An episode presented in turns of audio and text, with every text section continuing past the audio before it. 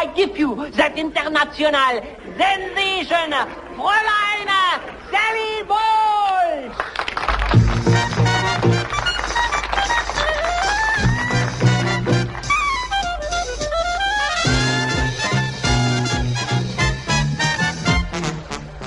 What good is sitting alone in your room?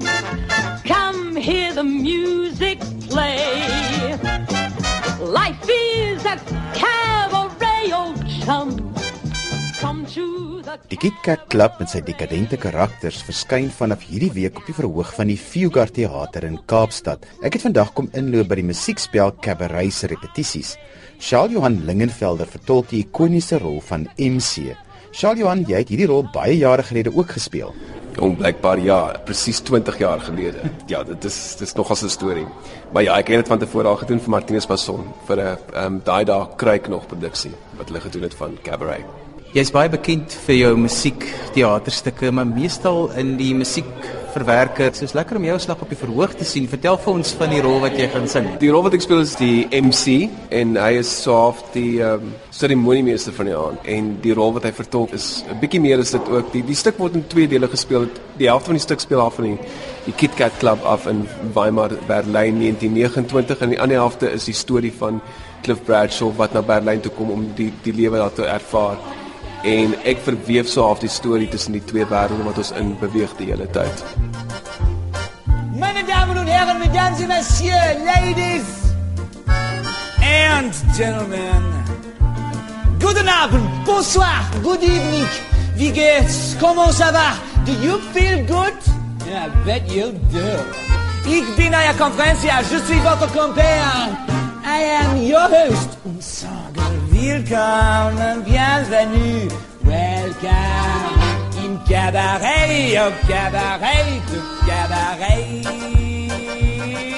Die rol wat jy sing van die MC, hoe ver is dit van die een wat ons in die fliek ken want dit is maar wat ons luisteraars se verwysingsveld is. Ek dink wat wat wat interessant is na die film uitgekom het is daar baie navorsing wat gedoen is en baie mense het gepraat oor die maak van Cabaret. Daar's boeke geskryf daaroor. En wat baie interessant is is dat toe hulle dit gedoen het oorspronklik in die laat 50's begin 60's was daar 'n mate van konservatiwiteit wat nog bestaan het. So hulle moes baie van dit sensureer vir hulself, ook as gevolg van die smaak wat verskil het van ehm um, die, die teatersmaak op daai stadium is baie anderste.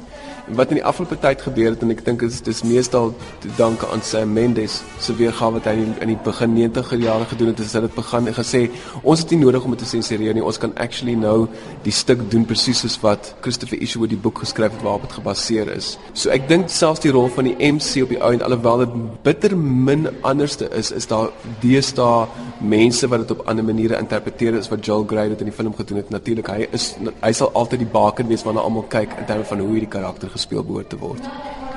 Om weer terug op die verhoog te wees, vertel vir ons van die ervaring. O, oh, angswekkend. Ehm um, ja, ek ek jy weet die hele ding vir my om om dit te doen was was 'n um, ek het besluit ek is klaar met teater in terme van van om die verhoog te wees self as 'n speler.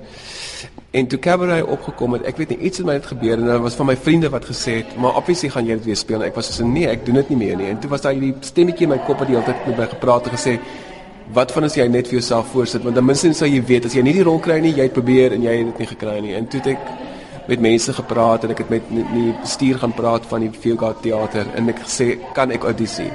En het gesê absoluut en toe het ek gedoen en wel ek het die rol gekry en ek dink die rede hoekom ek dit wou gedoen het is is ek het ook net nodig om vir myself weer te voel voel dit om aan die ander kant te staan. Ehm um, mense raak so vasgevall in die werk wat jy doen en jy vergeet jy, jy verloor baie keer konteks en hoe moeilik dit is om daai rol te speel. En ek glo my vry dis nou 3 weke ons nou nou 4 week van repetisie en ek ehm um, ek het definitief al gevoel voel om aan die ander kant staan daai daai dae van teleurstelling van wat ek kan dit nie doen nie dit voel nie reg nie dis verkeerd niemand hou van my nie.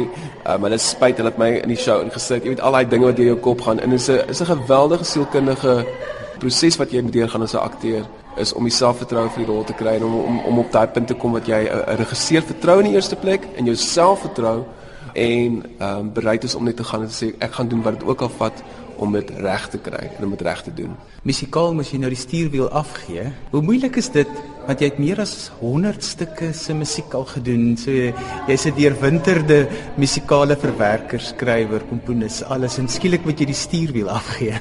Dis dis baie moeilik, maar ek dink ek het nogal se vermoë om myself te kan afsluit van en sê ek gaan nou fokus hierop. As baie wat 'n mens dit dit voel, ooh, ek kan ek kan nie nou myself onttrek en en actually vergeet van wat daai kant gebeur nie. Partykeer is dit dinge verkeerd gaan dan is dit moeilik.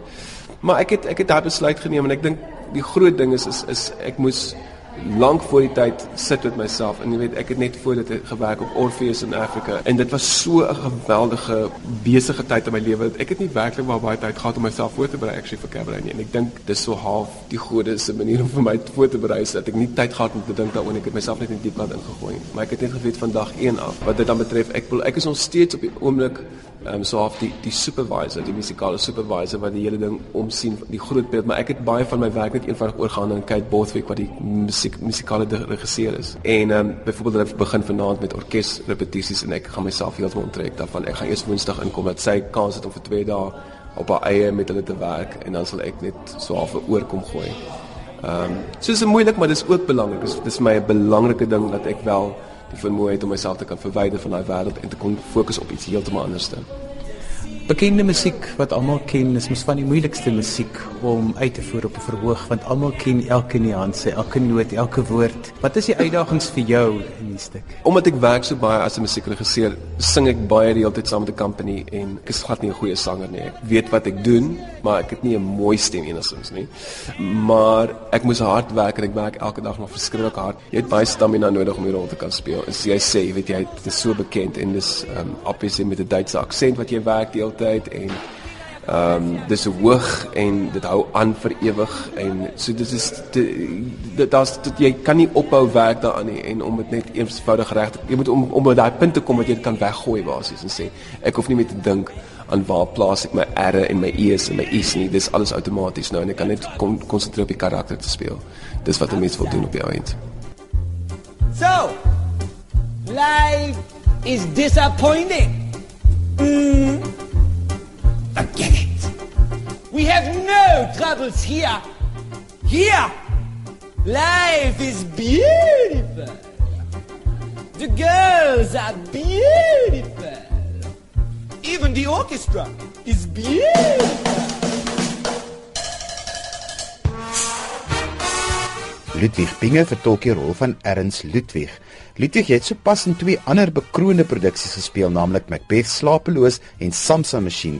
Dis nog 'n reuse stilistiese sprong na cabaret wat 'n musiekteaterstuk is. Ja, dit is bietjie uit my comfort zone uit, maar dit is natuurlik 'n goeie ding eh, om uitgedaag te word. So ek ek geniet die uitdaging op die oomblik verskriklik. Tot dusver dink ek het dit eintlik nogal goed gegaan. Ek ek dink wat Matthew reg kry op die oomblik is om dit taamlik eenvoudig te hou konseptueel. Ek weet hy probeer nie te slim of te cute wees daarmee nie. Hy hou dit eenvoudig, maar hy kry nog steeds reg om sy eie stempel daarop af te druk. En ek dink dit is wat 'n regisseur moet poog om te om reg te kry.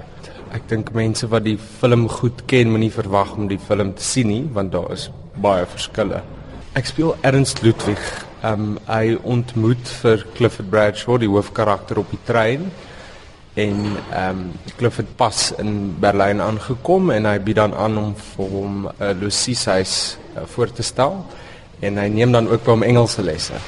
Al wat mense van hom weet is dat hy uh, betrokke is in die politiek en hy vra dan vir Cliff om ehm um, na Parys toe te gaan om 'n uh, tas te gaan optel en wat mens op die einde dan agterkom is dat hy smokkel en so ernstig is betrokke in die politiek. Ek wil nou nie weggee, daar is 'n bietjie van 'n reveal, maar ek wil dit nou nie weggee nie. Alhoewel dit 'n musiekdrama is en mense baie keer verwag dat dit blymoedig moet wees, is dit nog 'n ernstige musiekdrama hierdie.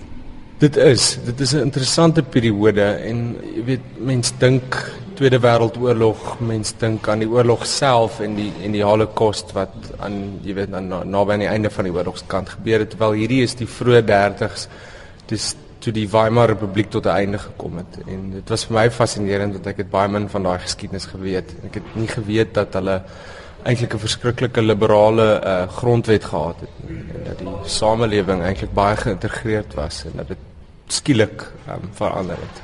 Die Fugard Theater het nou 'n tradisie begin skep van regtig musiekteater van hoogstaande gehalte. Dis nogal 'n paar skoene om vol te staan vir al van die vorige produksies wat nou onlangs hier was. Ja, en ek dink omdat Cabaret so bekende een is. Ek weet uh, mense onthou Liza Minnelli en onthou Joel Grey en onthou Alan Cumming van die Broadway uh, produksie.